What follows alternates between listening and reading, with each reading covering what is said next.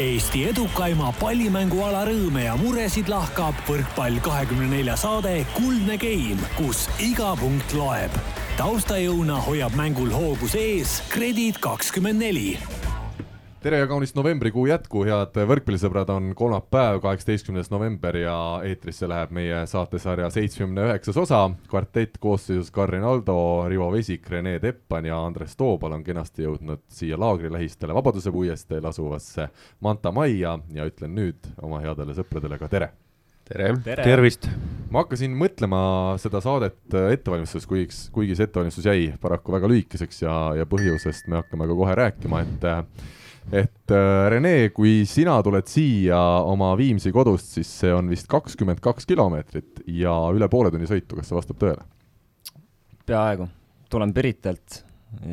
kilometraaž võib-olla enam-vähem on jah, ütleme nii nagu väitsid, aga sõiduaeg sõltub ikkagi väga palju kellaajast ja, ja sellest liiklusest, et tänasel päeval näiteks oli kuidagi väga rahulik tulla.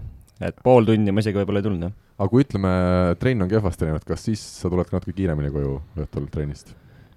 õhtul trennist ma tulen päris kiiresti koju nagunii, sest et see liiklus ikkagi rahuneb seal peale kaheksat kindlasti maha, et aga pigem, pigem siia saatesse ma tulen erinevate emotsioonidega ilmselt eh, tihtipeale, sest eh, tihtipeale meil teisipäeva hommikuti on eh, kaitsetrenn ja, ja seesama treener, kes mind hommikul peksab, istub mul siin kõrval, nii et, et see tekitab siukseid erinevaid emotsioone vahel, jah. kuidas ta peksab sind, ta lööb palli sulle pihta lihtsalt, ma saan aru?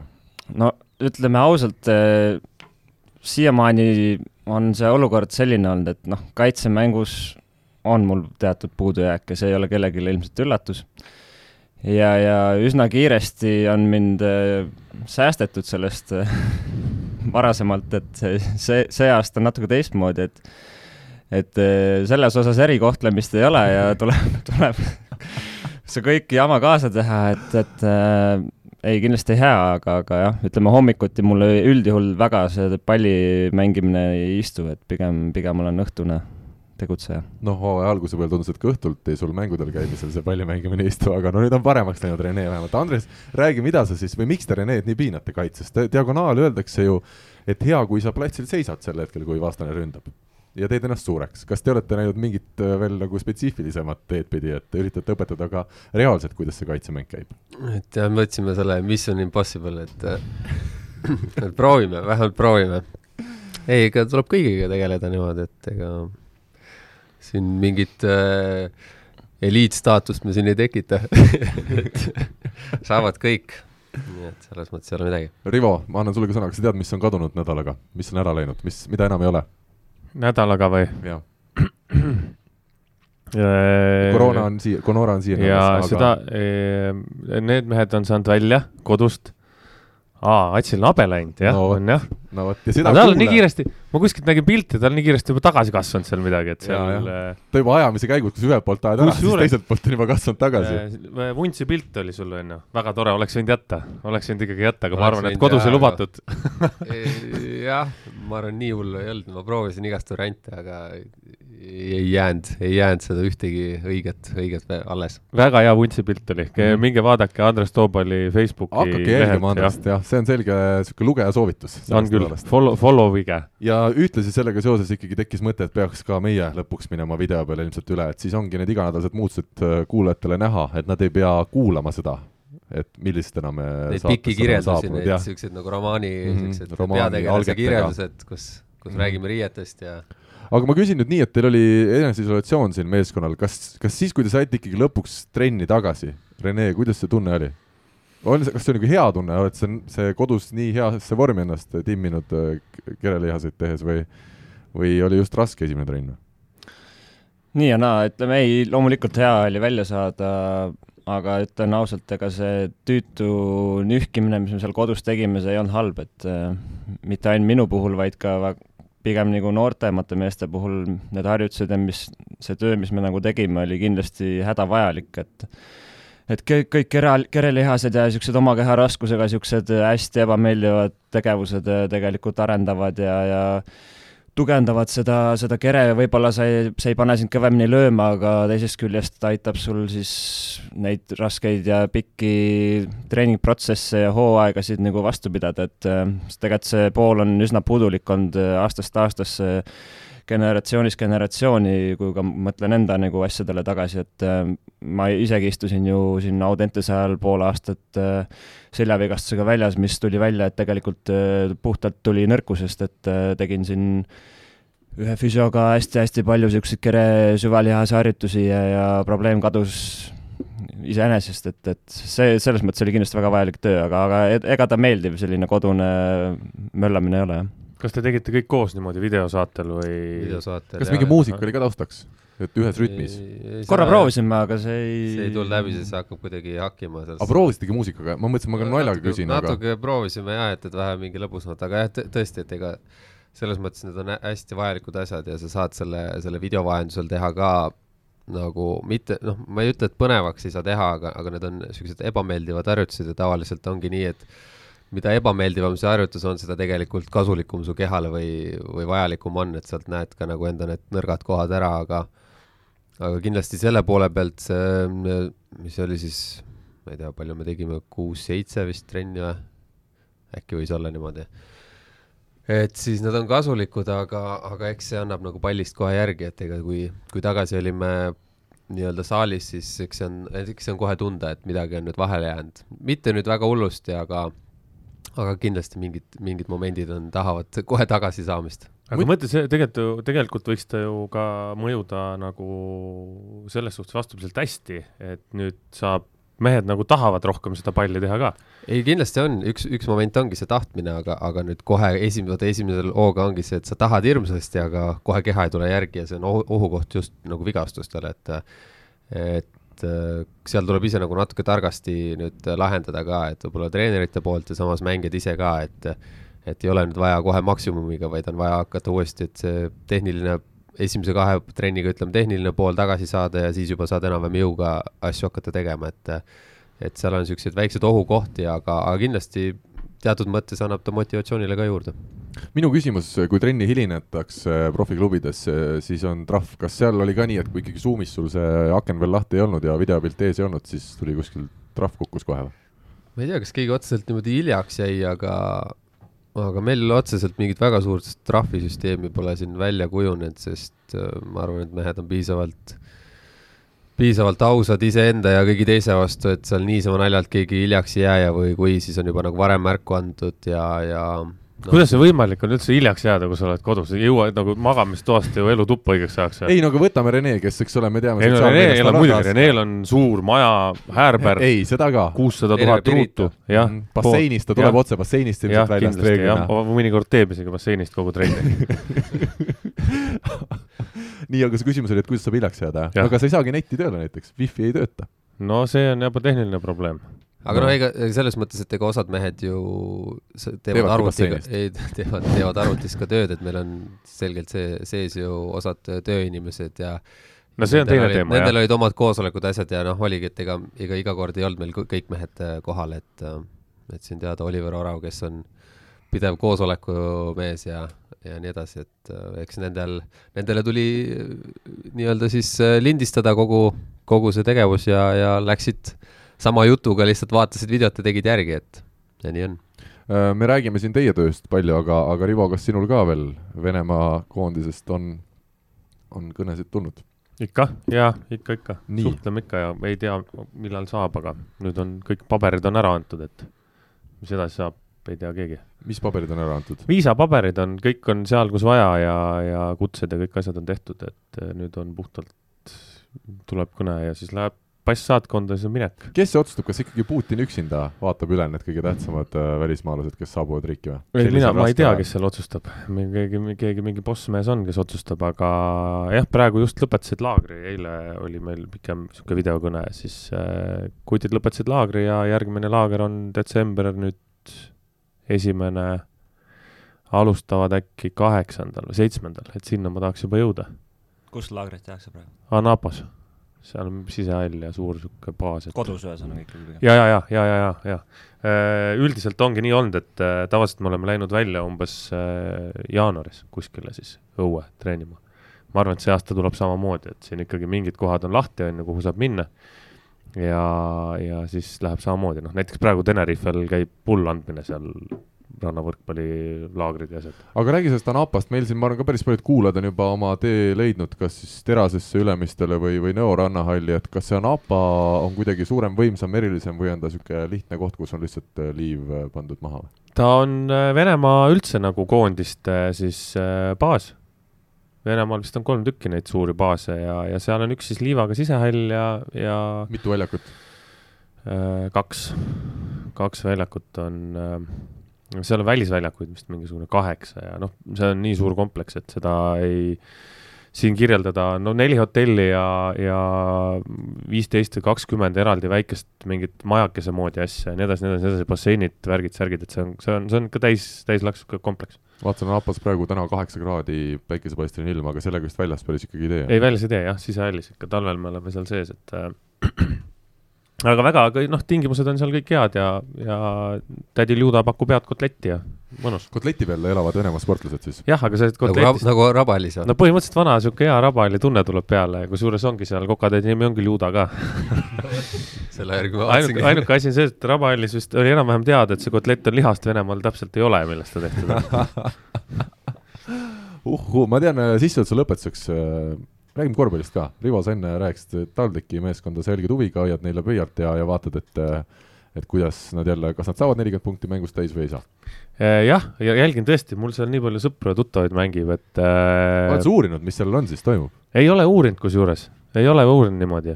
enne saadet just helistas mulle Gregor Arbet, eh, et no ilmselt ta tahtis arutada minuga Oota, mingeid tähtsaid asju. kas me võime ka öelda ära, kuidas sul oli Gregor Arbeti nimi pandud telefoni sisse? mul oli pandud, kogemata oli pandud äh, kaks telefoninumbrit nagu ühe kontakti alla. üks neist on Gregor Arbet ja teine on Janar Talts. ja kui ja ta siis... helistas, siis sul tuli ette? Gregor Arbet or Janar Talt oli mul ette. no, noh, korvpallurid kõik nagu hiinlased on kõik ühte nägu, nad on kõik ühed mehed mm. -hmm aga jaa, ei, TalTechi jälgin huviga, mina ootan, et nad ükskord nüüd hakkaks võitma, et mingisugust äh, siin viimases mängus Pärnu vastu ikkagi oli juba variant. no mina nägin äh, sellist kaheksandat maailmaime, seal oli mingi tipphetk sellest mängust pandud, kus siis kaitses äh, Tanel Sokk pani plokki esiteks, mida noh, me teame juhtub harva. Äh, veel harvemini, kui, kui Andres sai võrkpallis plokki kirja, kuigi tegelikult Andres oli plokis hea mees. ja siis sellest samast kaitsest siis kätte saadud pallist läks Kristjan Kangur põrgatusega minu arust üle väljaku ja pani ise viske teele, see läks sisse, see näitas ikkagi, kui rasked seal ajad on, et kui juba Kristjan peab ise tulema palliga üle esiteks ja siis ka kohe viskeid võtma et, äh, et on äärmuslikud meetmed võetud kasutusele. no keegi peab hakkama seal viskeid võtma lõpuks, et äh, muidu, muidu see jääbki niimoodi venima, et ma loodan, et see on ikkagi selline kuidagi hooaja alguse asi, aga, aga ma ei ole ka nagu suur korvpalliekspert, aga minu arust see võistkond peaks olema ikkagi palju kõrgemal liigatabelis ja mängima palju paremat korvpalli. kas samamoodi peaks võtma viskeid nagu väikse Kalevi Ross või? Ei no keegi peab viskama, selles suhtes kunagi ütles minu arust, kas see oligi äkki Janar Talts oli, kes äh, mingi koondise mängu ajal ütles ka, et mehed, kui me peale ei viska, siis me ei saa punkte lihtsalt ja nii ongi mm. -hmm see on täitsa tõsi.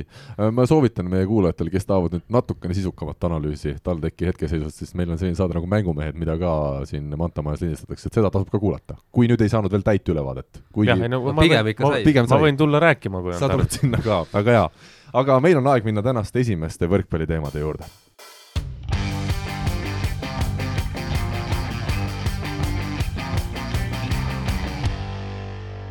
nii, ja esimene teema, millest me räägime siin, on siis see, et, et meie lindistame seda saadet jälle päev varem, kui see eetrisse läheb, ehk siis teisipäevasel päeval ja äsja on tulnud välja uudis, et Pärnu meeskond on siis pääsenud juba CEF Challenge Cupil veerandfinaali, ütleme ikkagi kogu aur tänavusel hooajal selgelt on Pärnul läinud sinna eurosarja ja, ja see on toonud edu, et, et praegu paistab, et kõik klapib ja, ja nii ilmselt edasi. jah, me nagu ennem ütlesime, stabiilsus on praegu. on, kõik mängud on kindlalt tulnud, vastased on juba enne saanud aru, et siin ei olegi midagi kuidas teha. kuidas see kirja läheb, kas see läheb nagu kolm-nulline kirja või kolm kriips? Vot, vot, vot minu arust seal ei olegi midagi kirjas. ei olegi, lihtsalt e e võitja ongi kirjas, jah? kas äkki numbriliselt tavaliselt on kakskümmend viis null kakskümmend viis null, kakskümmend viis null. Äh, kusjuures aga siin ei ole seda, siin on lihtsalt pandud, et äh, Pärnu kolm-null on pandud nii, aga ma vaatan üks hetk ja kakskümmend viis null ikkagi jah, nii et, nii et see on õige, nii et päris kes hästi. servis, tahaks küsida. ma arvan, et Martti Keel, kui nüüd mäng on nägemata. tema on, tema on selleks võimeline jah, tõesti.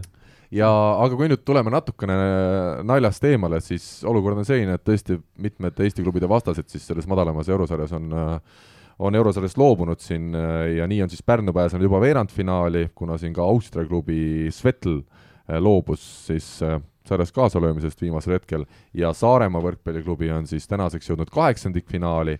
Ja mis on nüüd see värske uudis, on siis see, et kaheksandast kümnenda detsembrini peetakse mullides neid mänge ja pärnakad lendavad siis Türgimaale Ankarasse ja saarlased lendavad Ukrainasse, ütlen kohe selle linna nime ka ära, et kõik äh, võrkpallisõbrad, kes ikkagi tahavad kohale minna, need sea-, teaksid, Horo-, Horodok on see tore linn, kus hakkab Saaremaa oma mänge mängima ja olukord on siis selline, et äh, et need mullid peetakse nii kaheksandikfinaal kui ka veerandfinaal siis ühes mullis, moodustatakse erinevad mullid ja lõpuks siis, kes edasi pääsevad sealt nelja parema hulka, moodustatakse uus mull nii-öelda Final Fourina siis.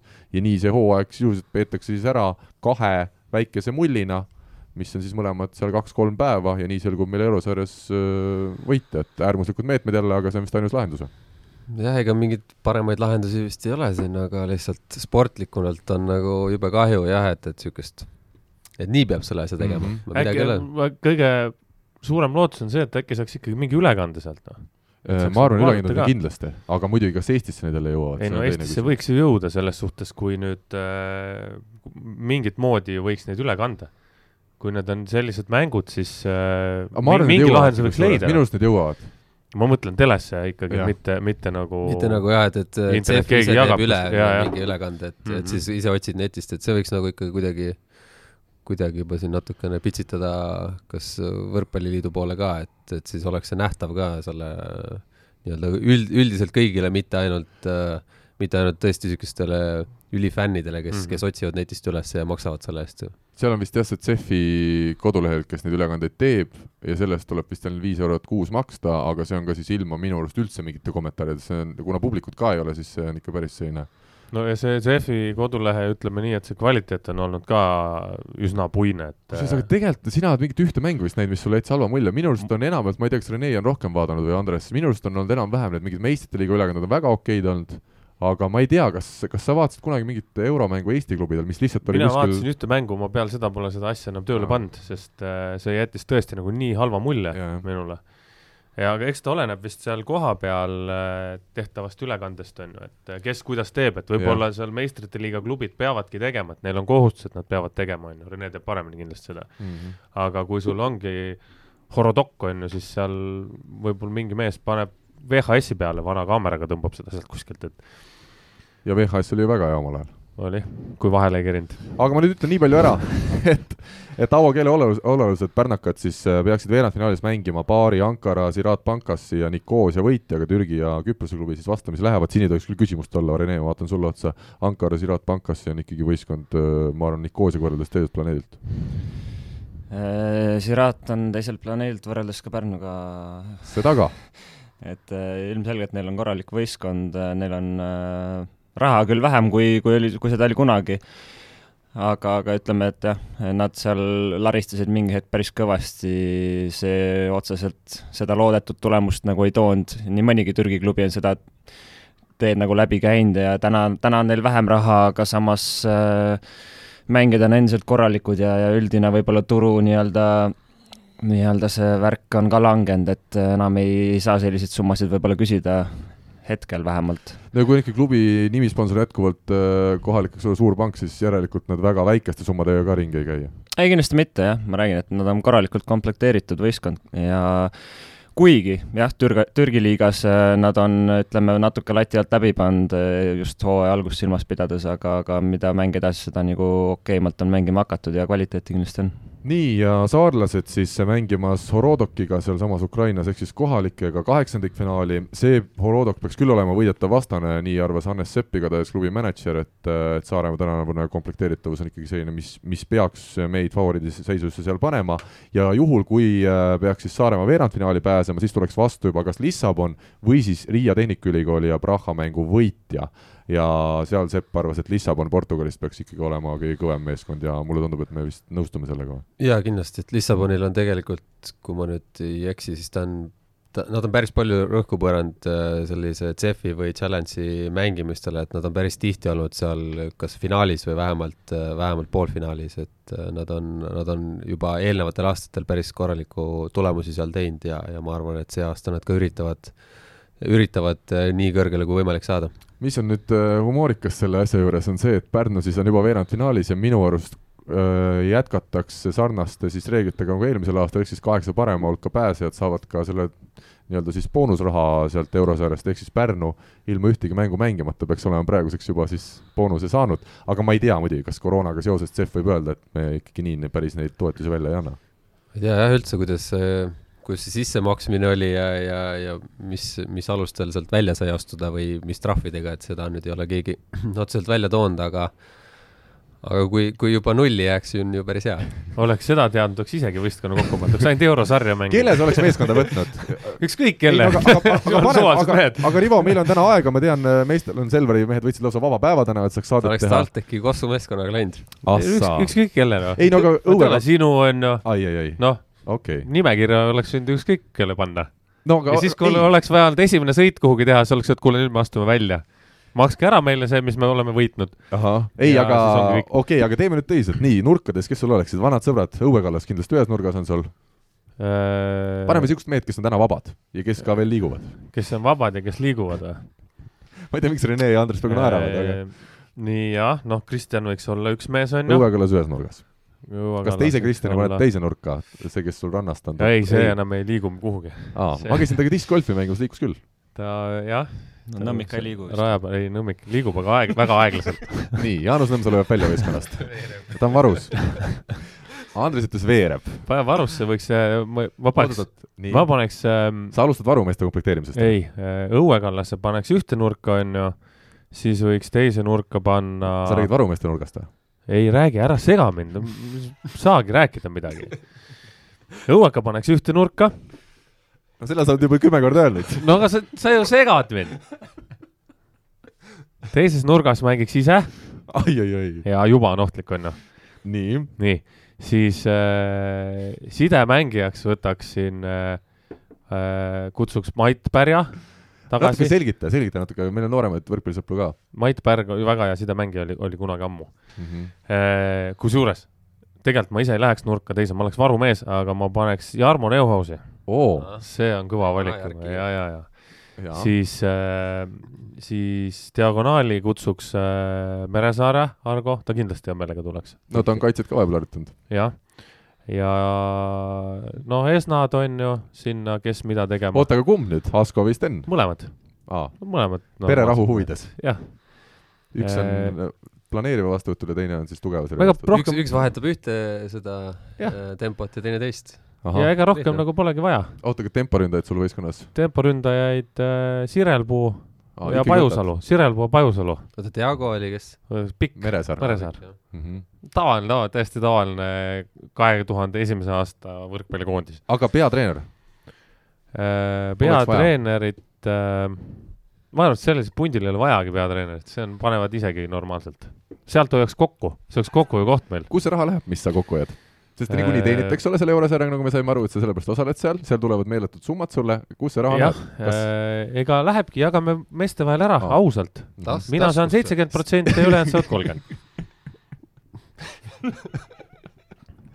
All right, nii, tuleme tagasi äh, tõsiste teemade juurde kuigi mitte, et see ei oleks olnud tõsine teema, väga hea võistkond. kusjuures ma tahan ühe, ühe vahemärkusena nüüd tõsiselt öelda ka seda, et ega see Ukraina võistkond, kas see nimekiri on kuskil väljas, on seal teada, on seal ainult oma kutid või kes seal on, et äh, me saame seda kohe otsida sulle. sest äh, Ukraina ju tegelikult võrkpallikool on väga kõva, on ju, et äh, ta ei pruugi olla üldse nii lihtne võistkond, kui ta nime järgi tundub, et see, keegi seda ei tea jah, ja kui seal mullis mängitakse, et ma, ma loodan tõsiselt, et ei minda seda teed nagu, nagu osades kohtades, eriti Lõ- Lõuna-Euroopas kiputakse, et kui siukses mullides või asjades toimuvad, et tehakse kõikidele tulnutele võistkondadele kõik nii ebamugavaks kui Võimalikult võimalik, raskeks, jah. et, et seda loodame, et se-, sellega nagu ei hakataks ka jamama, et et olen isegi ühe korra äh, see oli vist Horvaatia siis jah, kui me belg-, belglastega käisime seal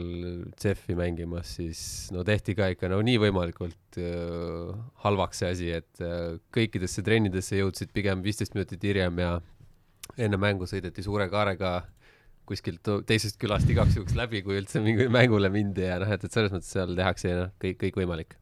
Äh, mida nüüd äh, on oluline siin tähele panna, mina hetkel leidsin Horodoki siis võistkonna koosseisu, Rene on ka oma nutitelefoni saanud lõpuks sisse lülitada, aga, aga ega siin vist ei ole ikkagi teisi mehi, mulle tundub, et need on kõik äh, oma, oma Ukraina poisid. aga äh, mainime siis selle ka ära, et kui need mängud peaksid praeguse seisu järgi toimuma kaheksas kuni kümnes detsember, siis ohust, on ohus Saaremaal võimalik karikafinaal, loomulikult Aine Selveri mehed siin minu teisel pool lauda juba poolfinaalis lülitavad nad konkurentsist, aga Rene lihtsalt noogutas selle kohta, et nii see läheb, aga kui nüüd Saaremaa peaks ime läbi ikkagi finaali pääsema, siis kakskümmend kaks detsember see finaal peaks juhtuma või aset leidma ja kui nad nüüd kümnendal lõpetavad mängimise seal kaugel maal Ukrainas ja kümme päeva on eneseisolatsioonis, siis juhtub see asi, et nad ei saa sisuliselt trenni teha enne karikafinaali. aga aga kas nad peavad olema? vot see on nüüd küsimus, mina tean, Eesti naiste korvpallikoondis tuli praegu tagasi välismaalt ja nemad olid siis ühe päeva hotellis, ootasid oma testi tulemuse ära ja kui oli negatiivne, siis said välja, minu arust oli, nii. ma ma ei tea, kas see on seotud midagi, ma just Ukurumiga rääkisin ka siin, noh, oli teemal lätlaste siia tulek korraks onju, et äh, tahavad kolmeks mänguks tulla Jekapils.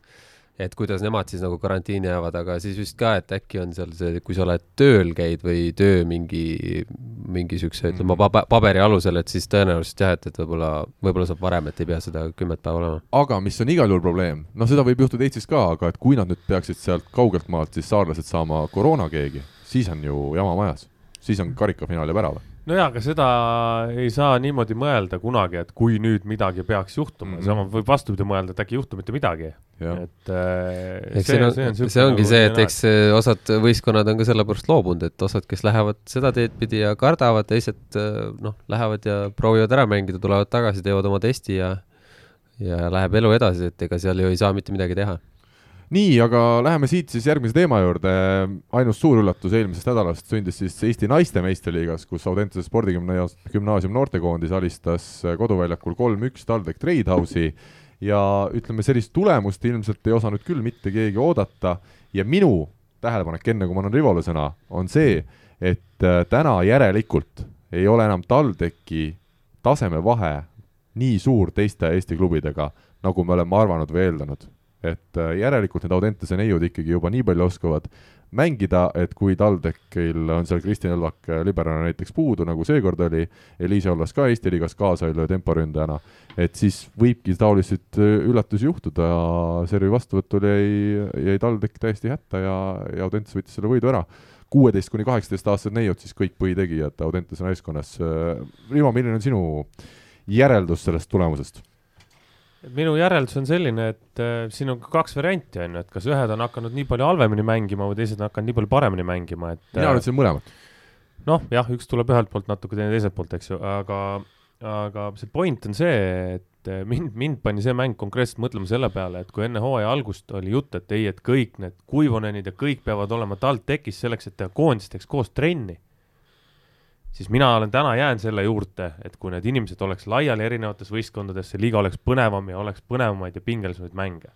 et kui sa nüüd võtad need noortest veel need mängijad ära sinna TalTechi, seal ei ole mitte mingeid mänge. täna vähemalt need mängijad saavad mänge ja nad saavad ka võita, mis oli selle väga hea näide. ja teine asi on see, et äh, teine pool on see, et äh, TalTech täna ei peaks võtma ennast kui mingit super-mega hüperklubi ja rääkima, et meil siin ei ole kellegiga mängida, noh. kui sa hakkadki rääkima nii, siis tulebki kuueteistaastane tütarlaps ja näitab, et on kellega mängida.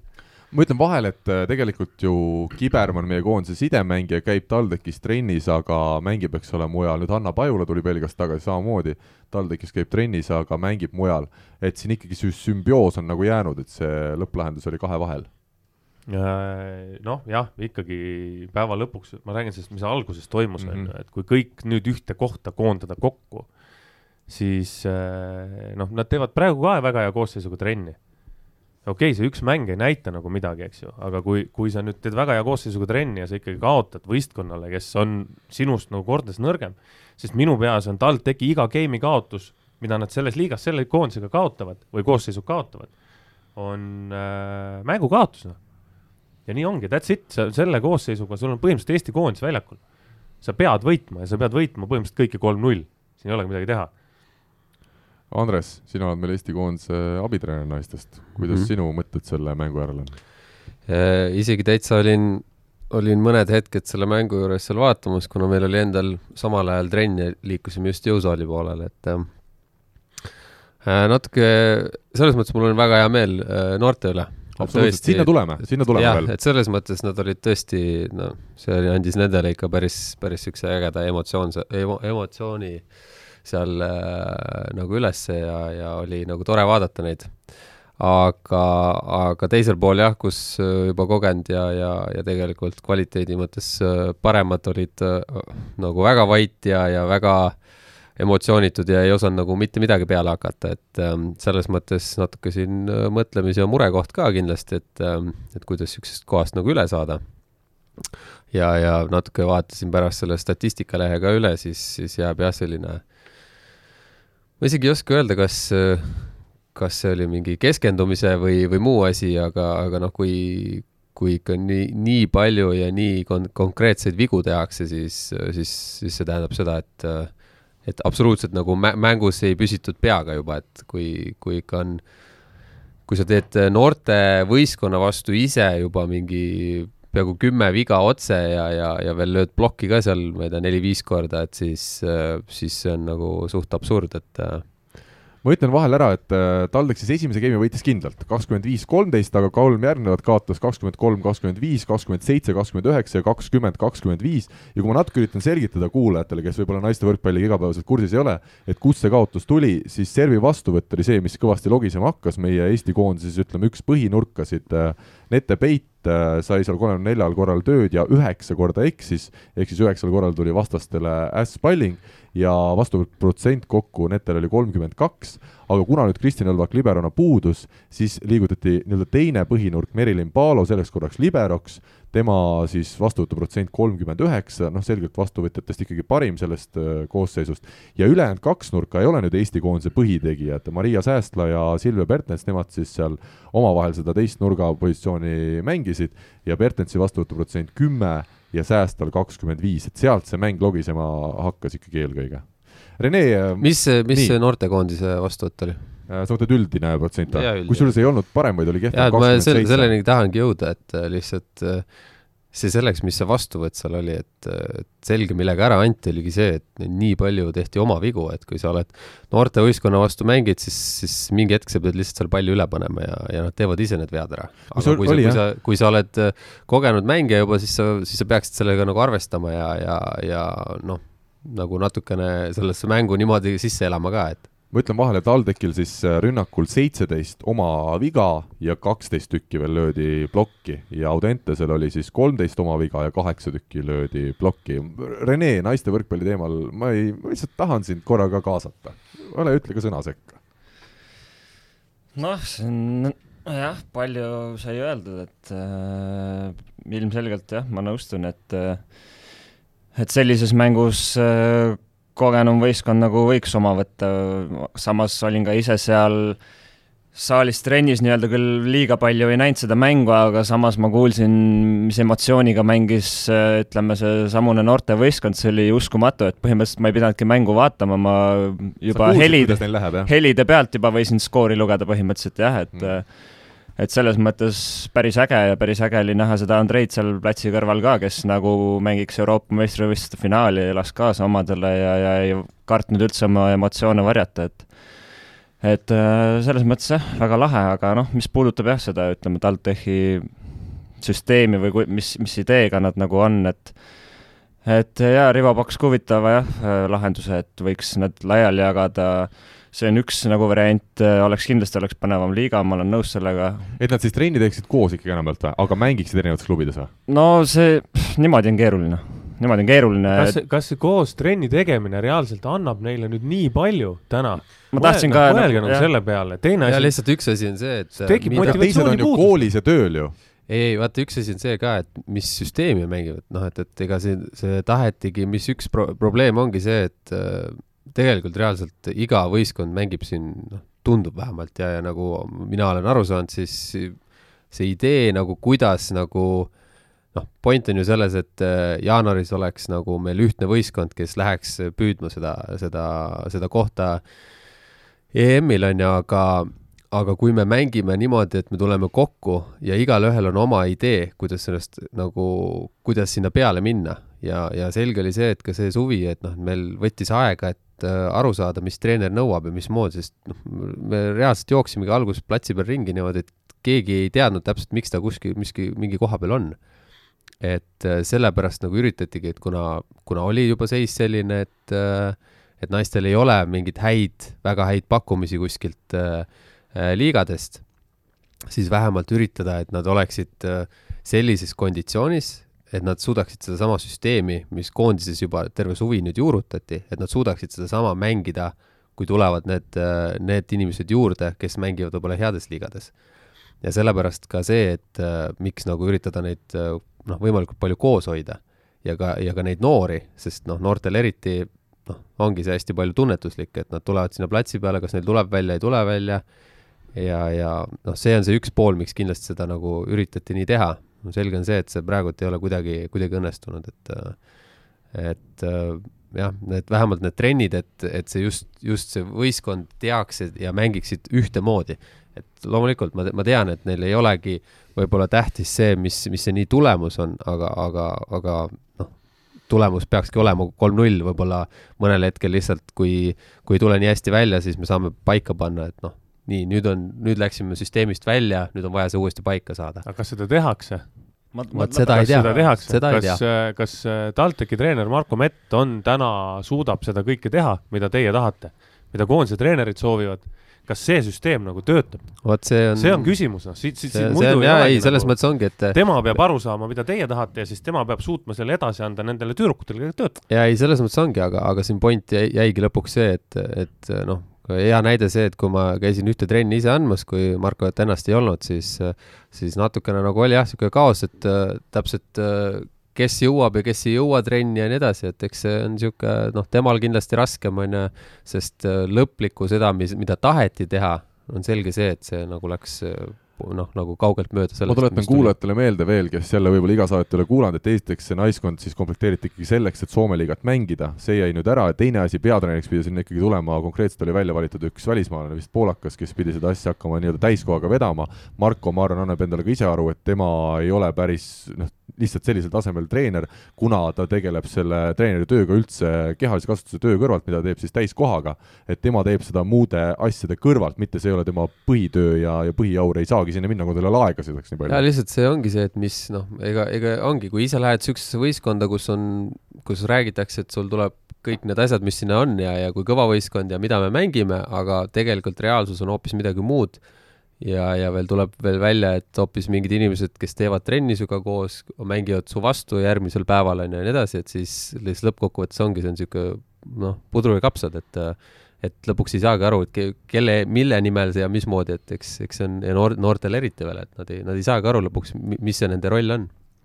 Jah, no jah, TalTechi poolelt me oleme rääkinud, see oli kindlasti nii-öelda see negatiivne pool sellest äh, mängust äh,, tõesti natukene jääb arusaamatuks, et ikkagi päris sellise koosseisuga seda kaotust saada ei oleks tohtinud isegi praegusel hetkel, mil otseselt midagi erilist mängus ei olnud äh,, rääkisin ka Marko Metiga siin pärast mängu, ta ütles, et ta kommentaare jagada ei soovi, aga, aga ütles, et võtab täielikult vastutuse enda peale selle kaotuse osas, aga meie läheme nüüd Audentese naiskonna juurde ja toome siis selle positiivse külje sellest mängust välja. kuueteist kuni kaheksateistaastased mängijad, võtame ette suuremad punktivõitid ka, seitsmeteistaastane Eesti koondises juba ka ennast näidanud nurgaründaja Eva-Liisa Kuivonen kogus siis kakskümmend punkti pluss kolmteist, diagonaalründaja kohal tegutsenud kaheksateistaastane Maren Mõrd lisas seitseteist punkti pluss viis, temporündajad olid siis Liisbet Pill ja Katriin Põld, mõlemad said seal kõvasti plokipunkti kirja. Ja põhisidemängijana tegutses nüüd siis Helena Loosi asemel, kes on muidu seal olnud põhitegija reeglina, kuueteistaastane Häli Vahula, kellest Andrei Ojamets siis loodab ikkagi väga palju, ütleb, et sellist sidemängijat Eesti naiste võrkpallis ei ole pikka aega nähtud ja, ja ütleb, et kui see tüdruk teeb kõvasti tööd, siis on siin äh, suur tulevik loodetavasti ees ootamas. liberona ma ütlen veel vahepeal ära, Mari-Le Lassi asemel, kellel oli siin hüppeliigese või Achilleuse vigastus, tegutses kuueteistaastane Kadri Kangro ja teine nurgaründaja on siis veel nimetamata kuuest, kuueteistaastane Elina Lebedeva Andres, sul veel oli siin mõtteid? jaa, ei, seal on väga ägedaid jah, selles mõttes, et äh, nõustun Andreiga, et äh, sidemängija koha pealt just, et äh, et suvel oli, oli näha laagris ka, kui, kui, kui Max nii-öelda tegeles siis nende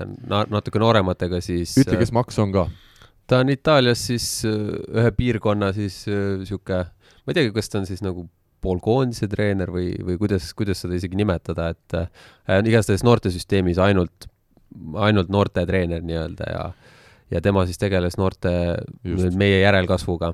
Ja, ja seal oli selgelt näha, et et tegelikult on päris, päris ägedat materjali nagu tulemas, kui, kui, kui nad suudaksid nagu niimoodi stabiilselt sellise, ütleme äh,, treenida niimoodi eesmärgipäraselt, et ja noh, nüüd Andreile siis, ma, mis ma kuulsin, oli igatahes, et Andrei kaotas selle mänguga ka kolm, kolm, kilo jäätist. nii et jah, sellepärast, et see oli Liisbeth Pill vist ja, oli see, kes kui, pani viis, viis plokki, et siis, siis ta pidi, kuna, kuna oli plokiga natuke probleeme, et tal on väga, väga hea, hea plokk, aga käte üleviimisega natuke probleeme, siis, siis seekord sai hakkama. loodetavasti see kolm kilo jaguneb siin mitme aasta peale. just aga mis on nüüd äh, selline ennustus, äh, öeldakse, et Audentese võistkondi on just see võistkond, kes peaks kõige rohkem kevade suunas veel paremaks minema. kas kevadel võib reaalselt olla olukord, kus need noored tüdrukud on juba nii hästi mängimas, et nad võivad TalTechi ka kõige tähtsamates mängudes võita? Äh, seda ma ei oska nüüd nii, niimoodi öelda, aga mis mul endal niisugune tunne on, et ongi, et võib-olla seal need just need nooremad, need, kelle sa siin välja tõid, need kuueteistaastased, äh, et mul on niisugune kahtlane tunne, et nemad võtavad selle hooaja lõpuks need põhikohad endale. et see on nagu niisugune üks, üks nendest, mis mina nagu natukene ma arvan. ehk siis see koosseis, mis nüüd siin viimases mängus väljakul oli, et umbes selline võiks ta olla ka seal kevadel? jah, ma jah, kipun arvama niimoodi. mina arvan seda, et TalTechil on puhtalt motivatsiooni küsimus praegu, kuidas ja keda nad võita tahavad, äh, selles suhtes oskuste poolest on see võistkond igatepidi üle täna. ja see on puhtalt motivatsiooni küsimus, Andres ütles ennem väga hästi, et äh, vanemad kogenud mängijad nagu peaksid olema suutelised ennast nii palju sundima. ja, ja enda peas paika panema, et kui palju ma reaalselt pean pingutama, et seda võistkonda võita. mõnikord on see kaheksakümmend protsenti, mõnikord on see viiskümmend protsenti, on ju, aga sa peaksid sellest aru saama ja, ja see on puhtalt motivatsiooni küsimus, kui TalTech tahab äh,, TalTechi mängijad tahavad äh,, natukene viitsivad, siis nad võidavad selle liiga rahulikult ära ka, siin ei ole küsimust. ja võidavad ka Balti liiga sama võidavad ka Balti liiga, aga nad peavad mängima emotsionaalselt ja peavad tahtma, et äh, see, mis Rene ütles, ongi, mis siin minu esimene arusaam oligi see, et noored tahtsid lihtsalt rohkem, on kõik.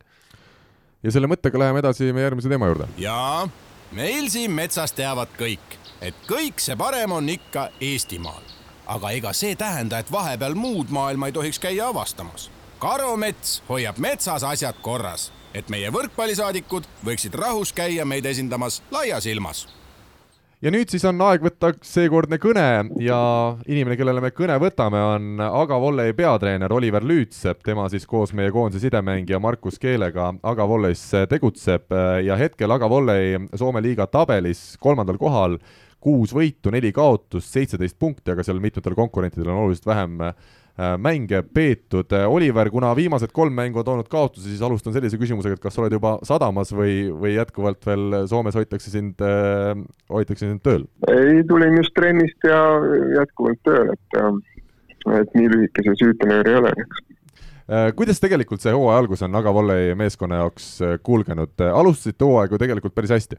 Mm, no tulemuste mõttes al-, alustasime okeilt ja selles mõttes eh, lihtsalt ega see mängupilt ei ole nagu ülemäära hea siin terve see hooaja alguses, lihtsalt me oleme, oleme suutnud need eh, võidud ja punktid koju tuua, et eh, et aga on teatud erinevaid muresid siin, mõned vigastused ja, ja, ja hetkel see mäng ei ole selline nagu, nagu tahaks, et ta oleks, aga veel mingit paanikanuppu ei, ei maksa nagu vajutada, et teeme tööd ja ja tuleme siis sellest nii-öelda väiksest mõõnaperioodist eh, tugevana välja ole hea, ütle, kuidas Markus Keel on hooaega alustanud sinu käe all, tema siis eh, sellest hooajast esimest korda Soomes mängimas, nii nagu isa ja, ja vend varem juba olid teinud?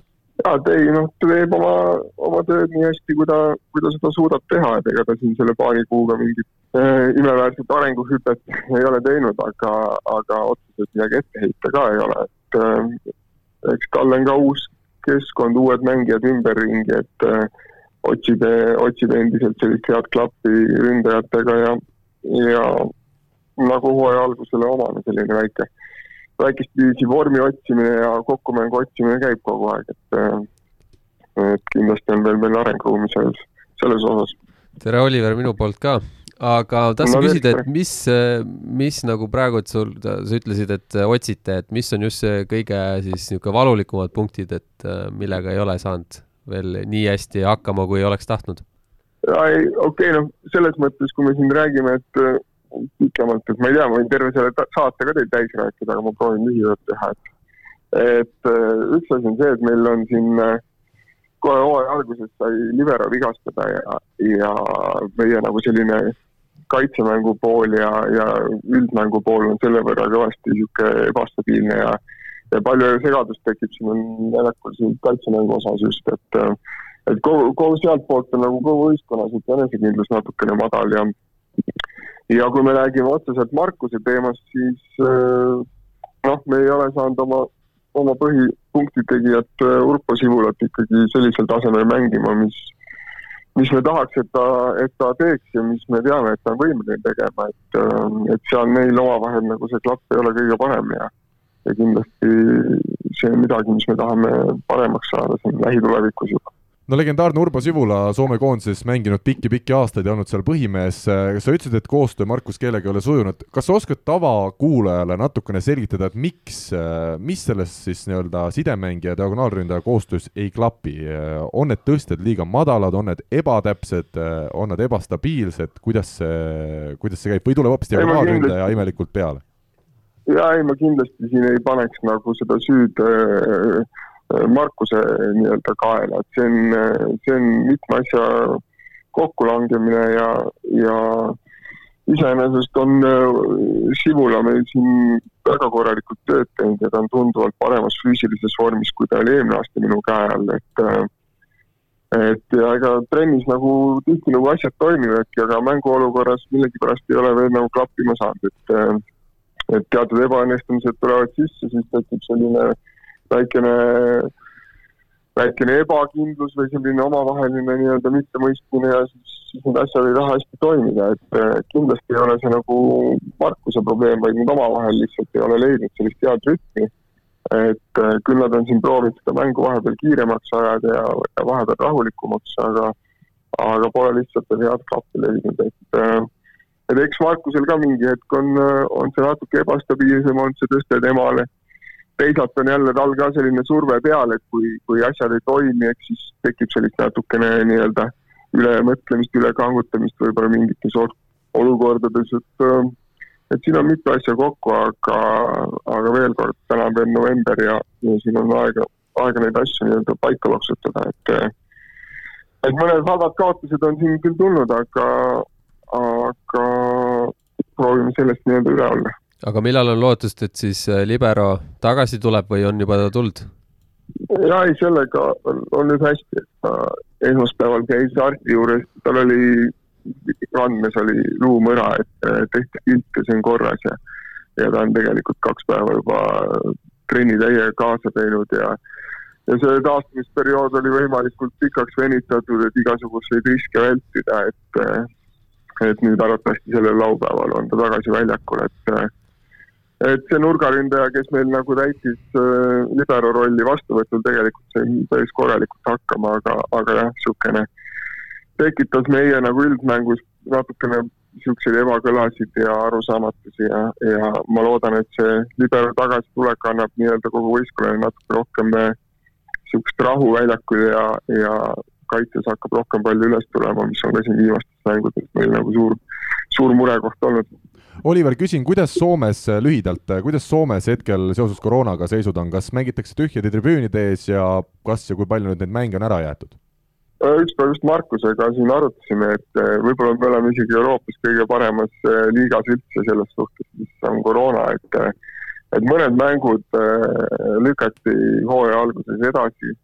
Palepa tuli Champions League'i mängudelt kahe positiivsega, siis neil oli seal kaks nädalat nii-öelda mängupausi ja, ja siin Äh, Raisa Loimul hakkab mängu mingi vabatahtlik oli positiivne, et nemad olid ka kaks nädalat eemal. aga noh, siin tõsteti mänge ümber, nii et meie jaoks ei, ei muutunud suurt midagi, lihtsalt äh, natukene mängiti asju ümber, mängida oleme saanud korralikult, kõik võistkonnad on tegelikult äh, saanud mängida, lihtsalt see erinev mängude arv ongi tekkinud sellest, et neid hooaja alguse Valepa ja, ja Lakkaba Loimu mänge lükati nagu sinna natukene edasi, et osadel võistkondadel on hetkel vähem mängitud, et me oleme saanud mängida ja lisaks on äh, publik saali lubatud, et äh, et on ikkagi meil noh, okei okay,, koduväljakul me tunnetame küll, et tunduvalt vähem on publikut, niisugune kakssada viiskümmend keskmist, kui see eelmisel aastal oli näiteks nelisada viiskümmend või isegi natuke rohkem. aga rahvas on praegu saali lubatud ja selles suhtes äh, iseenesest toimetame nagu normaalsel hooajal, lihtsalt on tunda, et rahvast on saalis vähe sa oled Eesti koondise abitreener ka meestest siis eh, sellest suvest, eh, kui palju sa hooaja keskel Cedric Enardi, meie peatreeneriga, oled suhelnud? Äh, kui ma päris ausalt ütlen, siis me oleme vist äh, kaks korda rääkinud selle aja jooksul, et ühe korra natukene pikemalt, et me ei ole väga palju koondise asju veel arutanud, et et mis ja kuidas, et viimane kord, kui me rääkisime, siis ta ütles, et et mingi hetk, kui tuleb niisugune rahulikum periood, et nagu see hooaeg on käima ära joostud, et siis võtame ühendust ja, ja räägime jälle pikemalt asjadest, et et pigem viimane vestlus meil oli ka niisugune, et kuidas kellelgi nende koroona asjade ja hooaja algusega nagu käima on läinud ja, ja natukene põgusalt lihtsalt puudutasime seda, et kuidas keegi mängijatest on kuskil saanud nagu äh, hooajaga käima, et, et kes, kes on normaalselt saanud mängida ja nii edasi, et eh, see on nagu kogu meie, meie vestlus praegu olnud äh, ja lõpetuseks, Oliver, ma mäletan, kui sa viimati meie saates käisid, siis sai ka üks väike lubadus antud äh, ja nyt mä kysyn, että miten nyt suomen kielen opiskelut olevat, ovat menossa, että puhutko nyt jo suomalaisen kanssa suomea? No kyllä mä ymmärrän, mutta, mutta mä, mä puhun, puhun enempi englantia, mutta kyllä, kyllä se suomeksi ikka tulee väga hästi, Oliver, suur aitäh sulle meiega olemast siin kümmekond minutit, soovime sinule, Markusele ja aga meeskonnale edasiseks hooajaks edu, jõudu, jaksu ja loodetavasti hakkavad taas ka võidud tulema, ole tubli! jaa, aitäh! ja meie läheme siin siis edasi järgmise teemaga ja me jätkame siis eestlased välismaal rubriigiga. Robert Täht ja Timo Tammemaa võtsid Resolve ridades järjekordse võidu pärast siis eneseisolatsioonist väljatulekut ühe kaotuse kõrvale viies võit et koduväljakul alistati siis kolm-üks tühjade tribüünide ees Olstin. Äh, Täht ja Tamme algkoosseisus, äh, pöördun meie siis väliseksperdi Rene Teppani poole, isegi mina jõudsin seda mängu natukene vaadata ja ütleme, Tähel oli alguses natukene esimeses skeemis probleeme, aga kokkuvõttes see, et mehed olid põhikoosseisus, kas võib lugeda selle mängu positiivseks või? no iga võit äh, on positiivne, alustame sellest, et noh, ütleme mingil määral äh, see mängupilt selles mõttes on natukene sarnane eelmistega, et äh, et äh, küll jah, võideti, see on väga hea, Olstin ei ole paha võistkond, kuigi viimasel ajal väga kuidagi nukralt esinenud.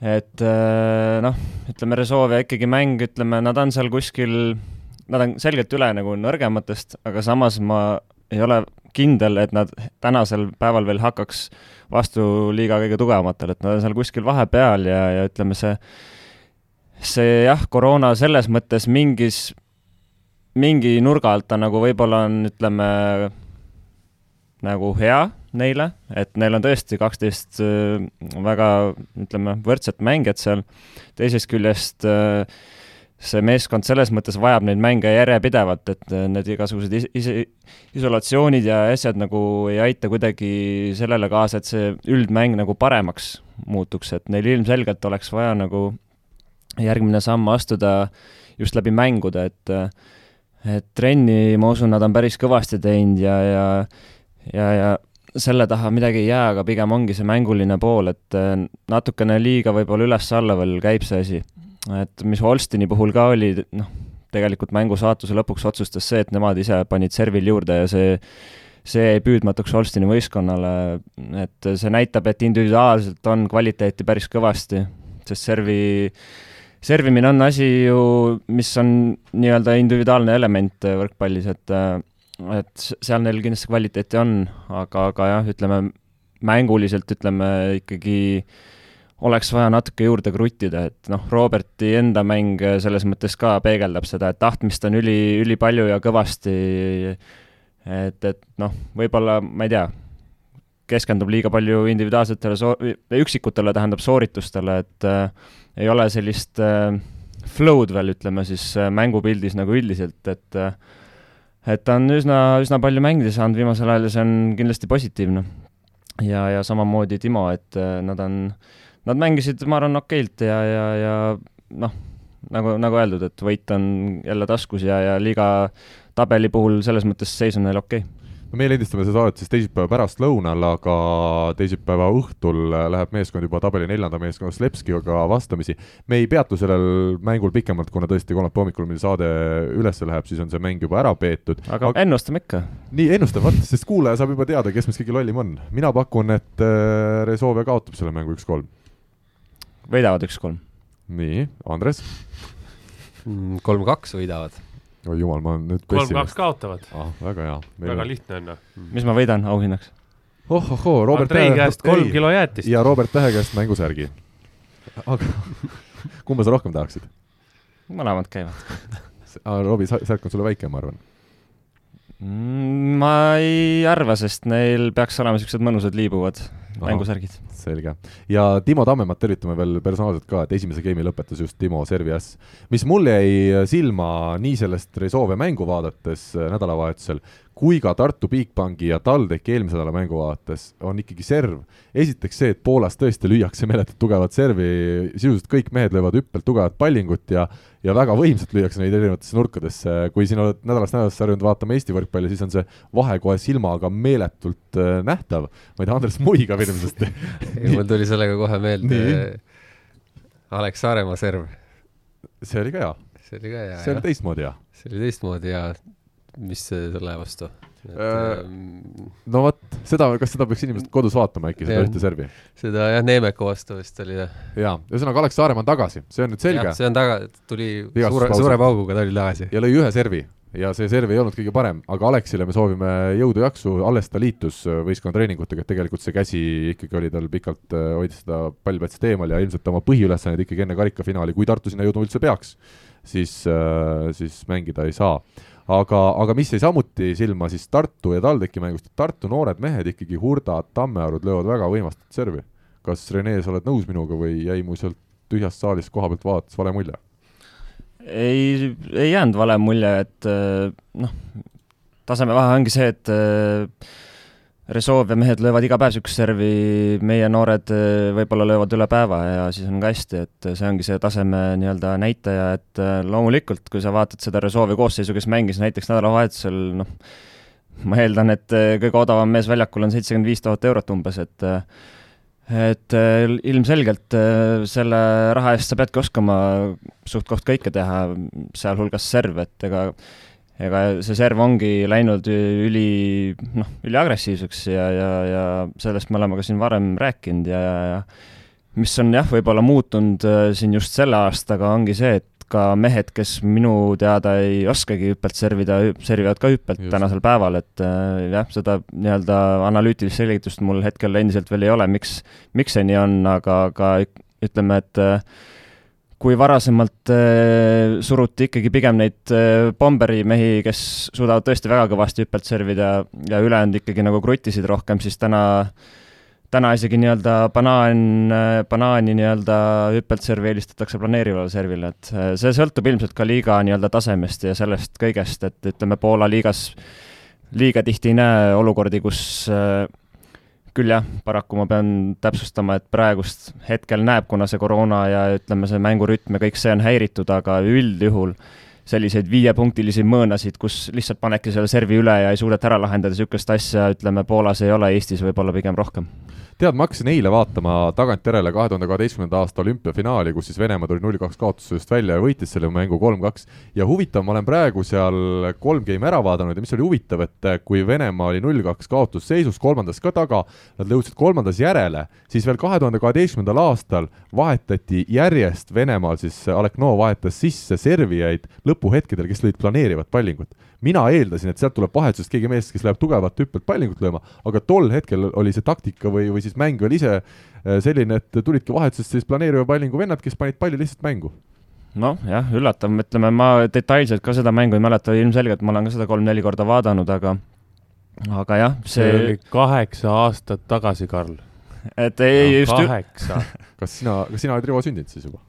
jaa üllatav, et jah, just Brasiilia vastu, kellel ilmselgelt on igasuguse servi vastuvõtt äh, ikkagi võib-olla, et maailma parim võib isegi väita, ma ei tea mm. -hmm. et tollel hetkel kindlasti neil olid seal ja nad saidki liiga... ilusti kätte, need pallid.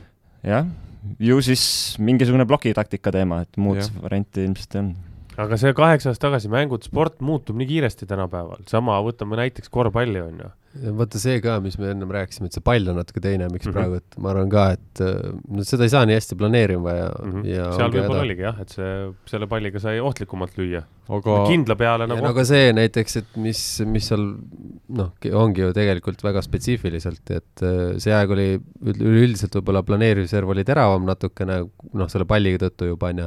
ja teine on see, et kes sul vastas on, võib-olla vastasmängijal ongi sihuke libero, kes võtab neid ülitugevaid äh, või, või ütleme, kasvõi mõni nurgamees võtab ülitugevaid veel vastu, aga planeerivaga on hädas ja ongi kõik, tänapäeval ma veel lisaks, et äh, kasutatakse sellist varianti ka vahel, et äh, teine libero paneb selga tava nii-öelda mängija särgi ja, ja läheb samamoodi. reaalselt trennis ta harjutabki ka servi samamoodi, noh, ilmselgelt see ei ole ikkagi selline kvaliteetserv, aga, aga idee on tegelikult selles, et paneb selle palli mängu ja, ja ise samal hetkel siis patseerib kaitses, et ka selline taktikaline nüanss on tänapäeval mängu tulnud. Aga seda finaali tasub vaadata, ma veel vaatasin Vene kommentaatoritega ka, siis on kuidagi see noh, sa näed seda emotsiooni ka rohkem ja ja muidugi, kuidas Mihhailovile seal, ma olen kolmanda game'i lõpus tõesti seal mul vaadatud, kuidas Mihhailovil lähevad sisuliselt kõik tõsted. isegi siis, kui ta mängib kaitses palli üles ja on ise pikali, kõrge tõste tuleb talle tagasi, kas siis kahe peale või ühe peale, ja ikka tuleb need pallid maha ja ja lõpptulemust me teame, soovitan, Youtube'is leiab need äh, asjad üles, aga mida me enne tänast saadet saime teada, on see, et Andri Aganits on tulnud siis äh, tagasi kodumaale, kuna Kreeka liigas on ka otsustatud, et pannakse pausile need asjad jah, de-, detsembri alguseni esialgu kindlasti, oht on, et läheb pikemaks, aga, aga tänu sellele sai loa nagu tulla, tulla koju ja ma arvan, et noh, klubi seisukohast oleks ka imelik olnud, kui nad ei oleks lubanud seda teha, sest et noh, kui nad ise nagunii ei ei tegutse, saal on kinni, trenni võimalused nullilähedased, siis noh, tegelikult siin Eestis on ju olukord hetkel selles mõttes parem, et eh, jah, küll ta peab olema isolatsioonis paberite järgi kümme päeva välisriigist tulnuna ja lennanud, et aga, aga ütleme, kui see kümme päeva saab varsti läbi ja siis, siis ta saab vabalt hakata käia jõusaalis tegema mingeid asju, võib-olla kes teab, on ka mingisugune võistkond, kes kes soovib teda trenni näiteks, mis iganes põhjusel, et ma usun, et tal tingimused täna Eestis on paremad kui Kreekas nii, aga meil on aeg minna tänase saate viimase teema juurde.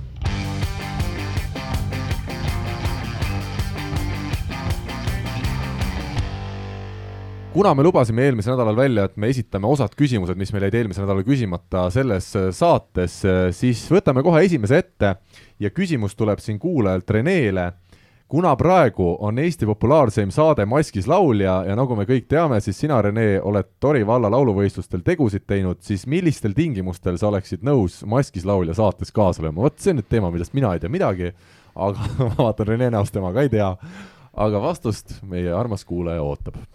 noh, vist Mm, palju mitu miljonit?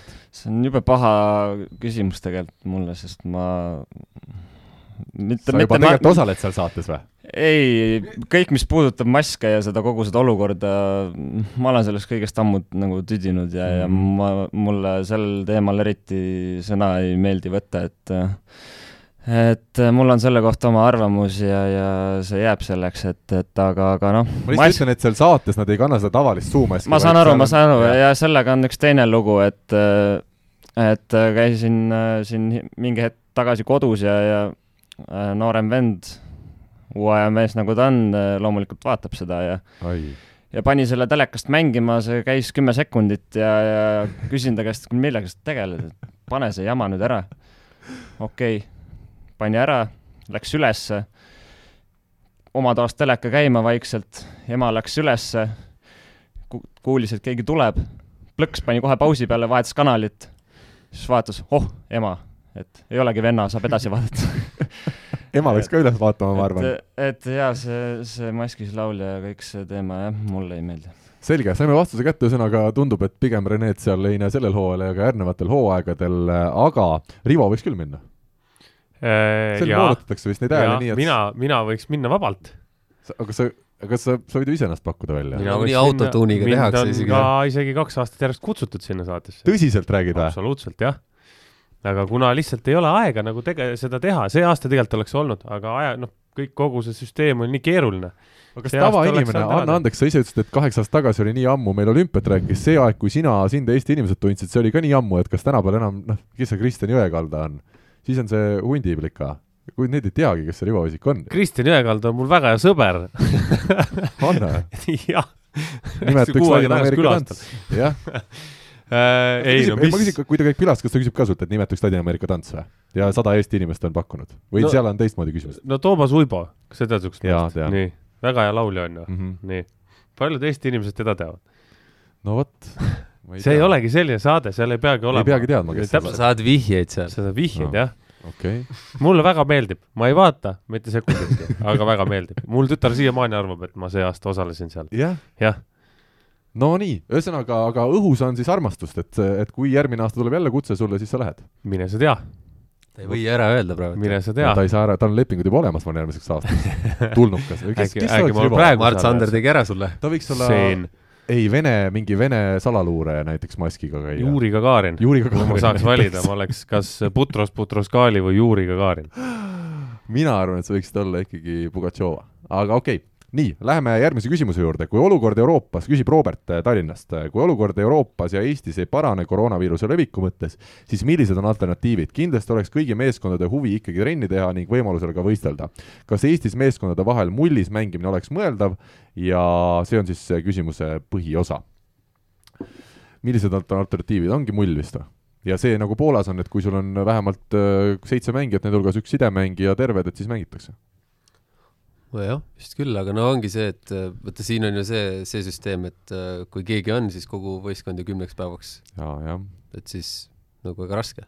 kui sa oled temaga koos trenni teinud, kui ta jääb, ma ei tea, üksinda kuskil haigeks ja aga sellist asju nagu ei saa juhtuda, et ma, ma ei tea, kuidas Poolas see asi tegelikult päris hästi Poolas elab. riiklikul tasemel lihtsalt on teistmoodi, nad suhtuvad teistmoodi koroonareeglitesse teatud nurga alt. et meil see, selline asi ei olekski võimalik, et kas, kui meil siin keegi on ikkagi haige ja sa oled temaga trennis kokku puutunud, siis, siis on kõik, kõik kinni. see on see koht Poolas, kus ilmselt need teleasjad äh, mängivad määravad nii palju, jah? ahah, on lihtsalt nii palju mängu, samamoodi ju ei saa teha seda. jah, täpselt, et samamoodi oli ju tegelikult ka suvine Eesti-Poola mäng, mis, mängud, mis ära jäid, et äh, teleülekanded olid ju tegelikult planeeritud ja pandud ja mis siis sai, Eesti loobus, poolakad mängisid omavahel A ja B võistkond löödi segamini ja, ja ütleme, et ilmselgelt mängijad võib-olla oleks hea meelega koju puhkama läinud, aga kuna oli tele oli planeeritud, siis nad pidid mängima mingil kusjuures, aga mina ütlen seda, vaata tavainimene võib küsida, et miks neid mänge üldse vägisi siin peetakse ja et kuule, et meil on praegu tähtsam see tervis, aga mina ütlen, et see tervis on ka kaudselt nende mängudega seotud, kui Poola on ikkagi võrkpalliriik, seal väga paljud pereisad võib-olla kodus, neil on see ainus asi, mis neid koroona ajal, nad niigi peavad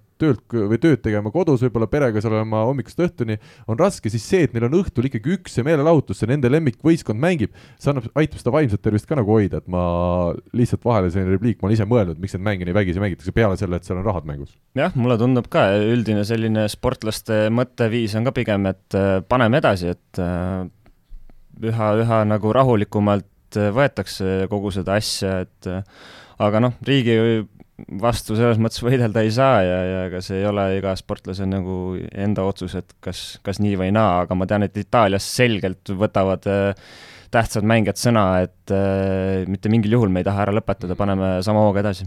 no teine teema siin on kogu selle asjaga, mis on minu arust nagu Eestis ülinaljakas, on see, et äh, Eesti Võrkpalli Föderatsiooni poolt tuli, et me mängime ilma pealtvaatajateta, korvpallimänge mängitakse no aga sa pealtvaatajateta. saad aru ka, miks Võrkpalliliit selle otsuse võttis vastu? aga korvpallis täpselt samamoodi on olnud kas korvpallis oli positiivseid. kevadel äh, suur äh, koroona? ei no jaa, aga mis vahet seal täna on, mis kevadel oli? jah, ma olen nõus sellega, et võiks täna mängida. mis kevadel oli, et aga mõtle Võrkpalliliidu see, seisukohast. see ei ole, see, ei no ma saan aru Võrkpalliliidu seisukohast ka, aga ta ei ole ju selles suhtes riigi poolt reguleeritud jätkusuutlik asi. Et kui äh, need sada inimest, kes käivad võrkpalli vaatamas, on ju äh,, lähevad korvpalli vaatama, kas seal ei tohi, ei juhtu nagu midagi või? Eh, no see on puhas mainekujundus, et nad ei satuks uue skandaali alla, aga mis minule, ütleme, kõige rohkem äh, üllatust pakkus, oli see, et kui Saaremaal tuli enne mängu samal vist päeval uudis, et äh, saali publikut ei lasta, et siis tehti see üritus seal Saaremaa veskis, et tulge sinna vaatama. et kui needsamad inimesed, kes seal saalis oleks siis laiali äh, nii-öelda olnud pandud, eks ole, ja see oht oleks väiksem olnud, nüüd nad kogunesid kõik sinna Saaremaa veskisse, ma ei tea, palju neid oli, ma loodan, et neid väga palju ei olnud ja see asi ikkagi nagu täitsa eesmärk, aga no põhimõtteliselt noh, siis ei tohiks neid ühisvaatamisi ka seal Saaremaa veskis, ma arvan, korraldada sedasi, et see ei Ei. ole nagu asja mõte ju. ei no siin on minu arust nagu kaks äärmust, kas sa lased neid inimesi siis mingisuguste konkreetsete reeglite järgi, kõigil on maskid peas, mingi vahe on sees, on ju, või sa lased neid üldse, mitte kuskil, mitte üheski spordis, sest muidu on ta mõttetu, ta on, ta on jabur. selleks, selles suhtes, et see põhimõtteliselt samad inimesed võivadki käia korvpalli vaatamas, võrkpalli vaatamas, aga võrkpalli nad ei tohi praegu vaatama minna, Mm -hmm. sest seal on mingisuguse viiruse oht suurem kui korvpallis, no see ei ole mitte mingit loogikat ei ole selles. ei, ongi ainult mainekahju oht on seal suurem, kuna on juba võrkpallurid korra nagu kevadel kõvasti tähelepanu saanud ja osad siiamaani seda meenutavad. nojah, seda võib-olla küll jah. kuigi ma olen nõus, et kokkuvõttes, kui me vaatame kogu Euroopas, kogu maailmas koroona levib, see, et see Saaremaa võrkpalliklubi kaudu see tuli siis siia meil, noh, mis see nagu üldpildis muutus. see ei ole ka ju päeva lõpuks fakt, et see kuskilt sealt tuli, noh. nojah, aga isegi on, isegi on, ega see ei tähenda, et kui Saaremaa oleks mänginud euromänge Milanoga, et siis oleks täna meil null nakatunut, siis oleks tõenäoliselt mingi muu mäng Ja olnud ja oleks oleks need pealtvaatajad toonud üks ükskõik kust kohast, nii et no oleme ausad, täna ei võeta seda, võetakse seda koroonat, ütleme teistmoodi ka, noh, ja, ja kõik on rohkem sellega kursis, inimesed on teadlikumad ja nii edasi, et ma ei usu elu sees, et kuidagi see uue skandaali lahvataks, et ma ka pigem oleks selle poolt, et teeme mingid reeglid ja piirame, aga, aga see nulli tõmbamine, arvestades just, et kõrval korvpall laseb siis ei kuidagi ei päde, jah. Järgmine küsimus, Priit küsib, kuna rumalad küsimused on lubatud, siis palun selgitage lahti statistikas olevad numbrid, et a la mängija tõi kümme punkti pluss viis, mida see pluss viis veel tähendab? anname Rivole võimaluse, rannavõrkpallurile, nii, pluss viis on üsna üsna ok, üsna jah. et kui rumalad küsimused, ma vastan ka rumalalt, pluss viis on üsna ok. oleneb, mis mängija muidugi on, on ju, mis Mhm. positsioonil ta mängib. libero. No libero on väga kõva, pluss viis on ikka nagu. ajalooline, jah, see on ikka super. libero vist ei saagi tegelikult olla plussis. ei saa. on sisse kirjutatud, et kui sa oled liberos, sa oled alati miinuses. jah, seda ei märgita minu arust. seda ei märgita, see on vastase viga, kui, kui libero teeb punkti, aga diskrimineerimine. kuna võib-olla härra Priit on ikkagi kuulaja, kes tahaks ka tõele jaole saada, siis see on efektiivsusnäitaja, arvutatakse eri- eri- erinevad elemendid öö, siis kokku ja ühesõnaga tõi kümme punkti, aga kui ta jäi pluss viis, siis järelikult ta pidi viis viga tegema ka.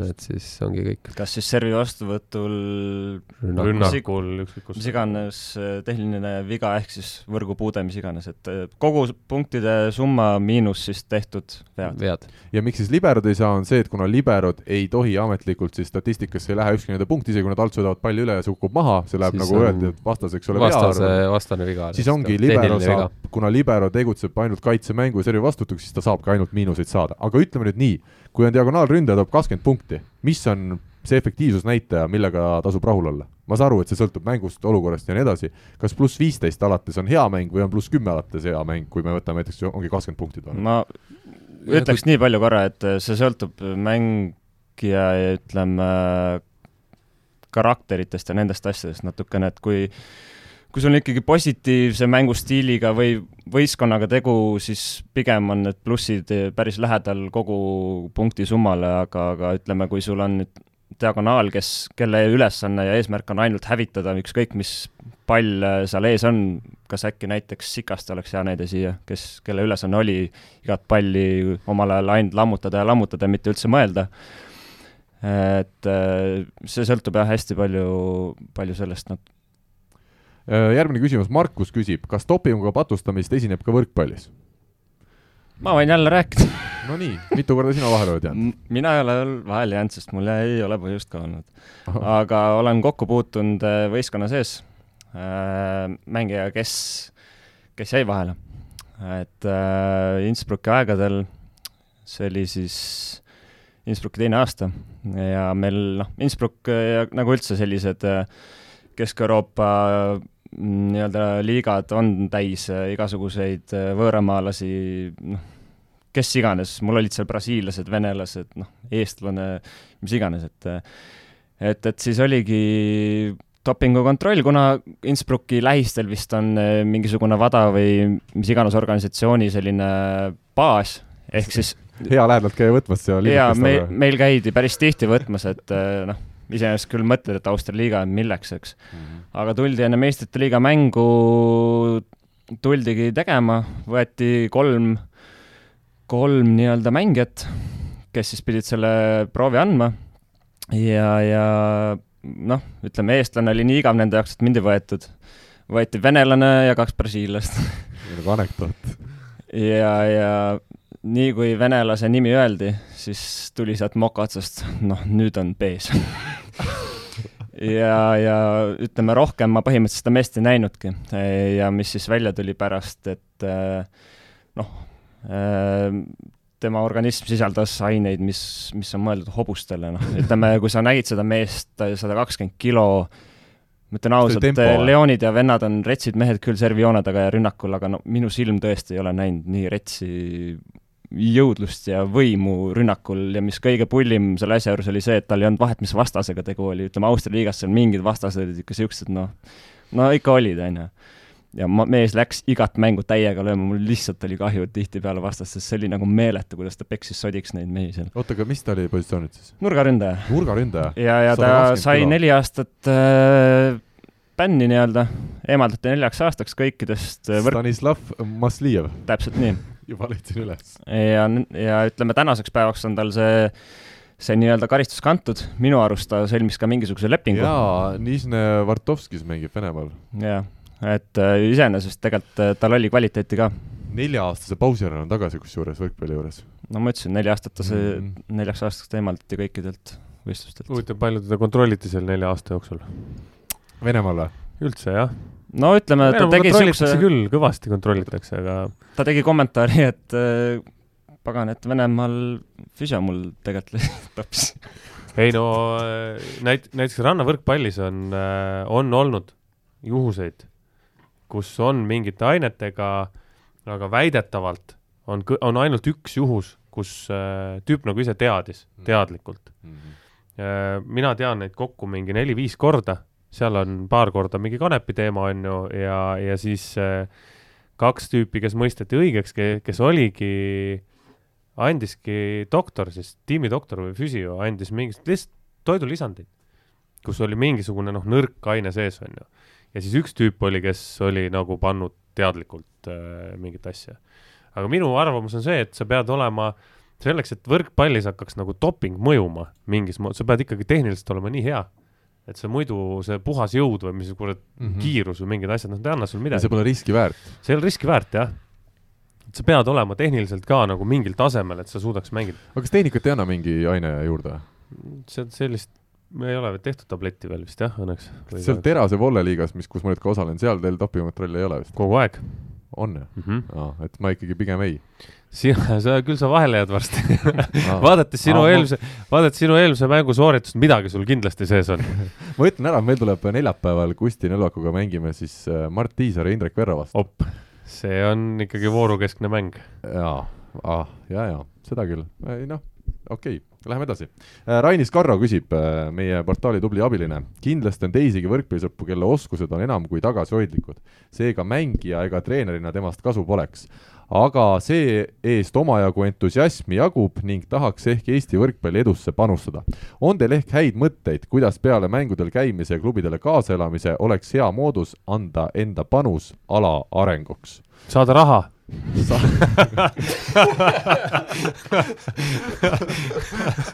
vabandust, see, see oli huumor. kusjuures Rainis töötab pangas. no vot, siis saada, siis saada rohkem nii äh,, okei okay., see on Rivo, kas äh, Andres Habemäed oleks vaja vist Selveri meeskonda mm,? ei, ei ole vaja. okay.. saab ise ka hakkama, ei, aga tegelikult äh, üks, üks asi on kindlasti, mis, äh, mis on, on käinud läbi, on, et siukseid harrastus, siukseid ähm, statistikuid Jaa. on kindlasti puudu, keda võistkonnad kindlasti kasutaks ära ja, ja ega tegelikult ju äh, no võib-olla see käib küll natukene rohkem juba tutvuste kaudu, aga, aga tegelikult ega sihuke mujal, mujal maailmas ikkagi on päris palju sihukeseid ähm, noh, vabatahtlike võistkondade kõrval, kes aitavad üleüldiselt manageerida mingeid noh mm -hmm. kogukonna jah, sihuke kogukonna asi, et noh, et aga, aga Eestis on see tihtipeale selliselt, et kui sulle nagu ikkagi ei maksta, siis ega ma ikka ei tee midagi, et mm. -hmm.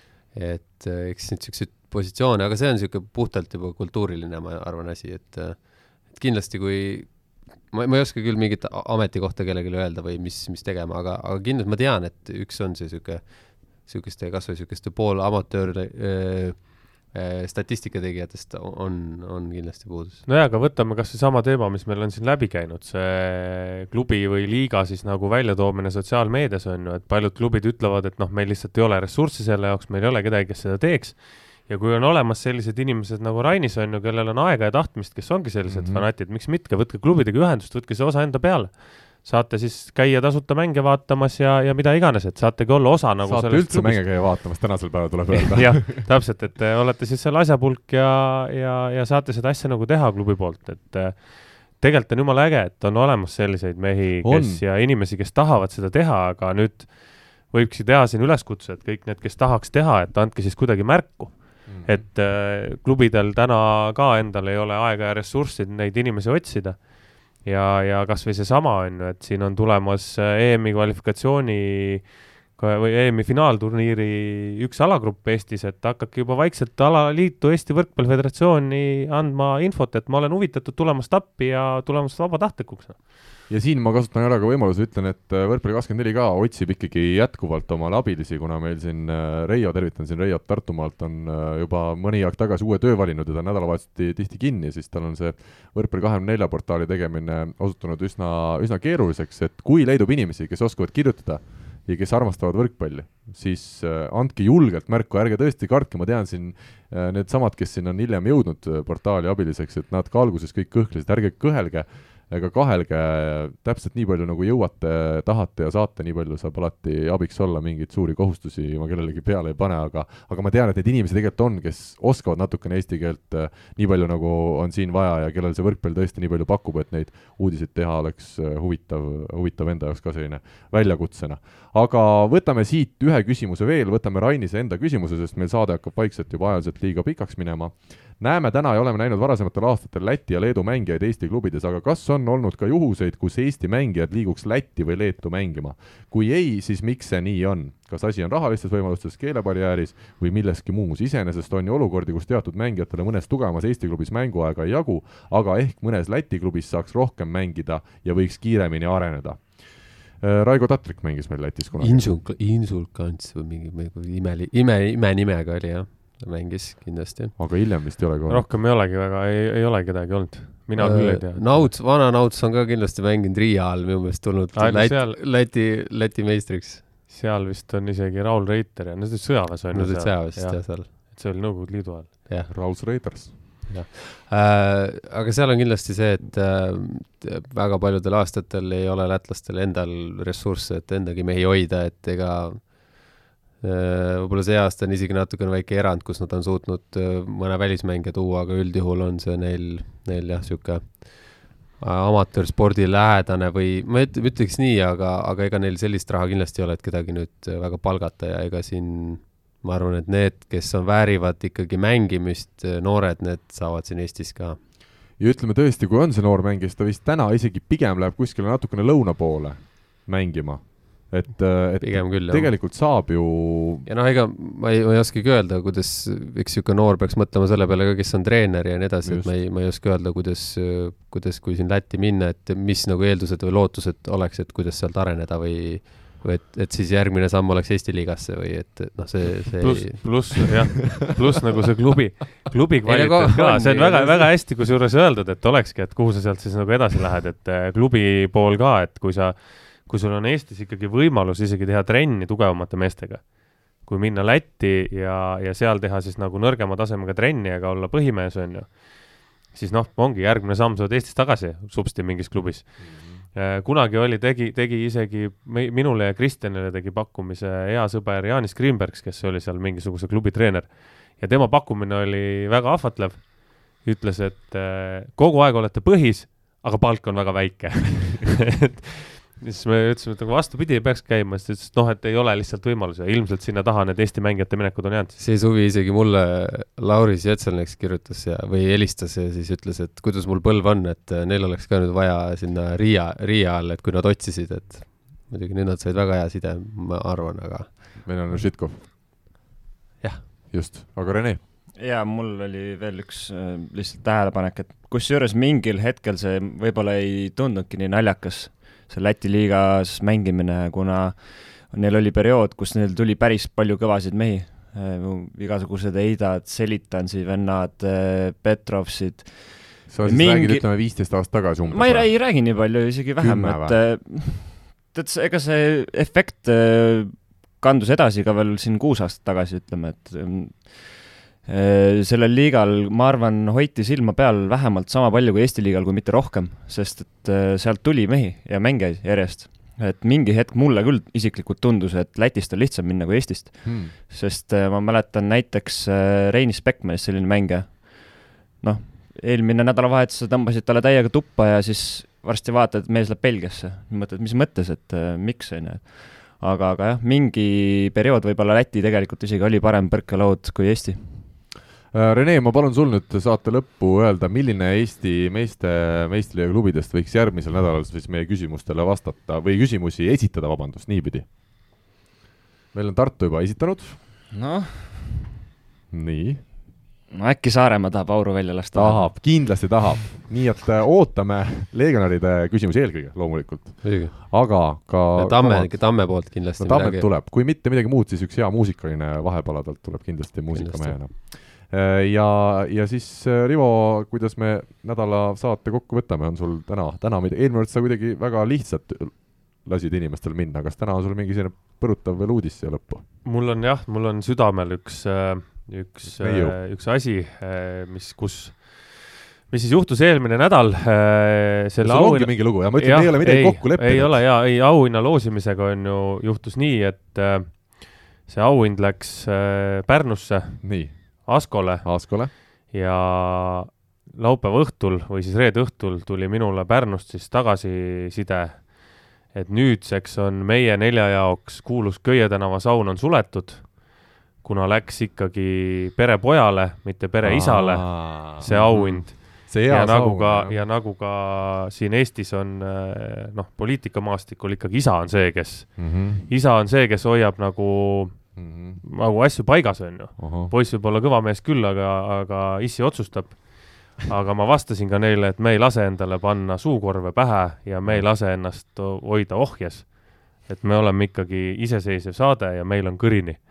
Äh, aga kas me järgmine nädal üldse tuleme siis? me tuleme. et selle, selle köiega meil suu, ei suukorvistata. absoluutselt, selle köie kuus aadressiga meid, meid ei suukorvistata nii et äh, ja saunas Nii, me saame edasi käia Rocca al Mares, kus Asko ise elab. jah, küll Juhul, me leiame, küll me see- leiame, et äh, kui keegi tahab veel ähvardada, siis ähvardage, aga me leiame väljapääsu. juhul, kui see on see Asko, keda me arvame, et see on, sest nagu me eelmises saates ütlesime, Pärnus on palju Askosid. no me loodame, et see on see Asko, jah me. loodame ja tervitame kõiki Askosid, kes meie saadet kuulavad. aitäh teile, aitäh teile, mehed ja kohtume uuesti siis tõesti juba järgmisel kolmapäeval. nägemist. nägemist. Eesti kõige põnevamad podcastid on Delfis, kuula tasku.delfi.ee. ega edu pole jänes, mis seest ära jookseb, ärid on edukad Hammerheadi majades